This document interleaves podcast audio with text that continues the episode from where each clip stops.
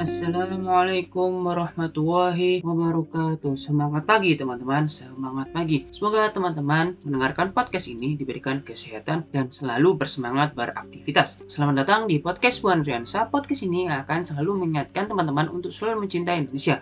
Karena kita bangsa Indonesia, Indonesia kuat, Indonesia hebat terlepas apa pun masalah yang kita hadapi di Indonesia. Podcast ke-8 ini akan melanjutkan podcast yang sebelumnya yang menjelaskan terkait aparatur sipil negara ASN yaitu pelayanan publik, manajemen ASN, dan World of Government atau WOG.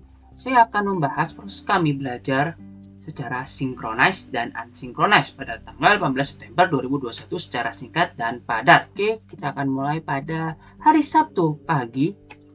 Kami membuat poster yang berhubungan dengan pelayanan publik prima, yaitu pelayanan permohonan surat online. Pada hari sebelumnya, kami menggunakan studi kasus dari UINSA terkait dengan UKT dan legalisir. Tetapi sebelum membuat pelayanan permohonan surat online, ada kesalahpahaman dalam kelompok 4, lebih mengarahkan pada penjelasan 5 prinsip pelayanan publik yang prima. Semua anggota kelompok 4 melakukan evaluasi dan mengambil keputusan bersama-sama, yaitu mengambil produk dari pelayanan publik yang prima.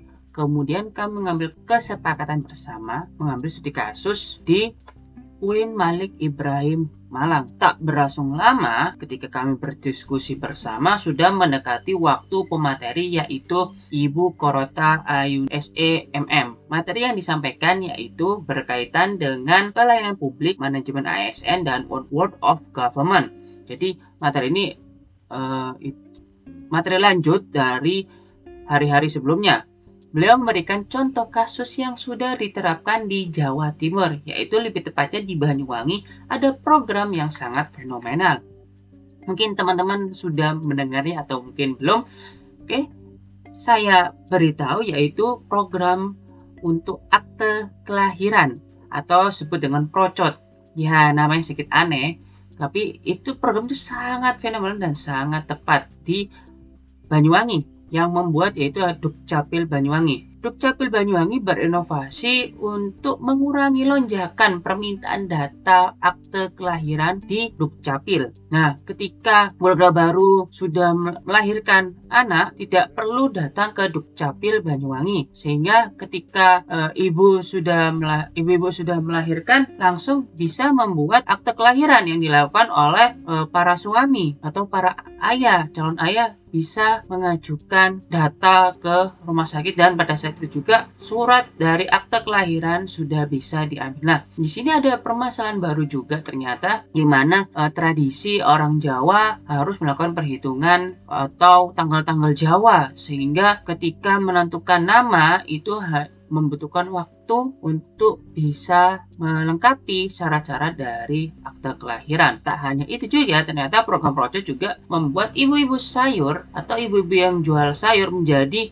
naik kelas, di mana angka kematian ibu hamil menjadi nol mulai dari tahun 2013 hingga tahun 2018. Kegiatan yang dilakukan ibu-ibu sayur elit ini yaitu mencari ibu-ibu hamil, kemudian memberikan eh, syarat-syarat yang harus dikonsumsi oleh ibu-ibu hamil sehingga ketika akan e, melahirkan anaknya bahwa ibu-ibu hamil sudah siap dengan kondisi yang ada dan badannya tetap sehat, tidak tidak mengalami hal yang berbahaya ketika melahirkan anak. Kemudian Ibu Korota Ayuni uh, itu memberikan analisanya atau mengajak kita menganalisa bahwa apakah program tersebut sudah ada di kota yang lain. Ternyata beberapa teman dari anggota kelompok 4, uh, eh, Pak Zulfa, Pak Estu, Bu Sulaiha sudah menemukan produk-produk yang sering ditemukan seperti di Banyuwangi seperti aplikasi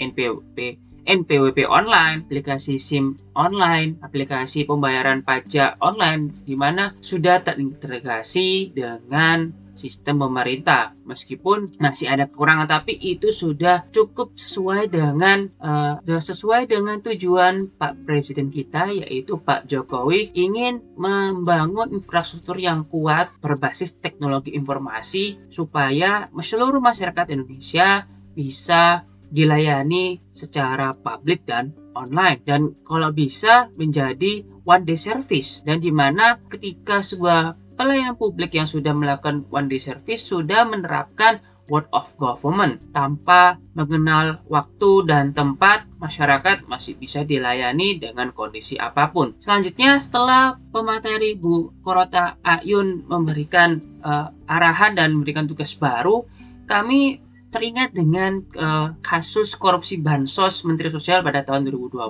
dan ternyata masih ada kasus lain yang berhubungan dengan korupsi di mana hal ini bisa menurunkan nilai-nilai anti korupsi di Indonesia yaitu kasus pungli pungutan liar yang dilakukan oleh anggota ASN kepada kepala sekolah di mana ya mungkin tergolong kecil melakukan korupsi tapi ini sangat berbahaya di mana sistem anti korupsi yang sudah dibangun secara perlahan-lahan ini bisa tergerogoti kembali dan akan terjadi kegiatan-kegiatan korup yang bisa membahayakan pelayanan publik di Indonesia. Nah, untuk itu maka sesama ASN harus saling mengingatkan saling menegur apabila melakukan perihal-perihal yang bisa merusak nilai-nilai anti korupsi. Oke, seperti itu. Terima kasih sudah meluangkan waktu untuk mendengarkan podcast ini. Semoga teman-teman selalu sehat dan semangat. Sampai ketemu di podcast selanjutnya. Waalaikumsalam warahmatullahi wabarakatuh.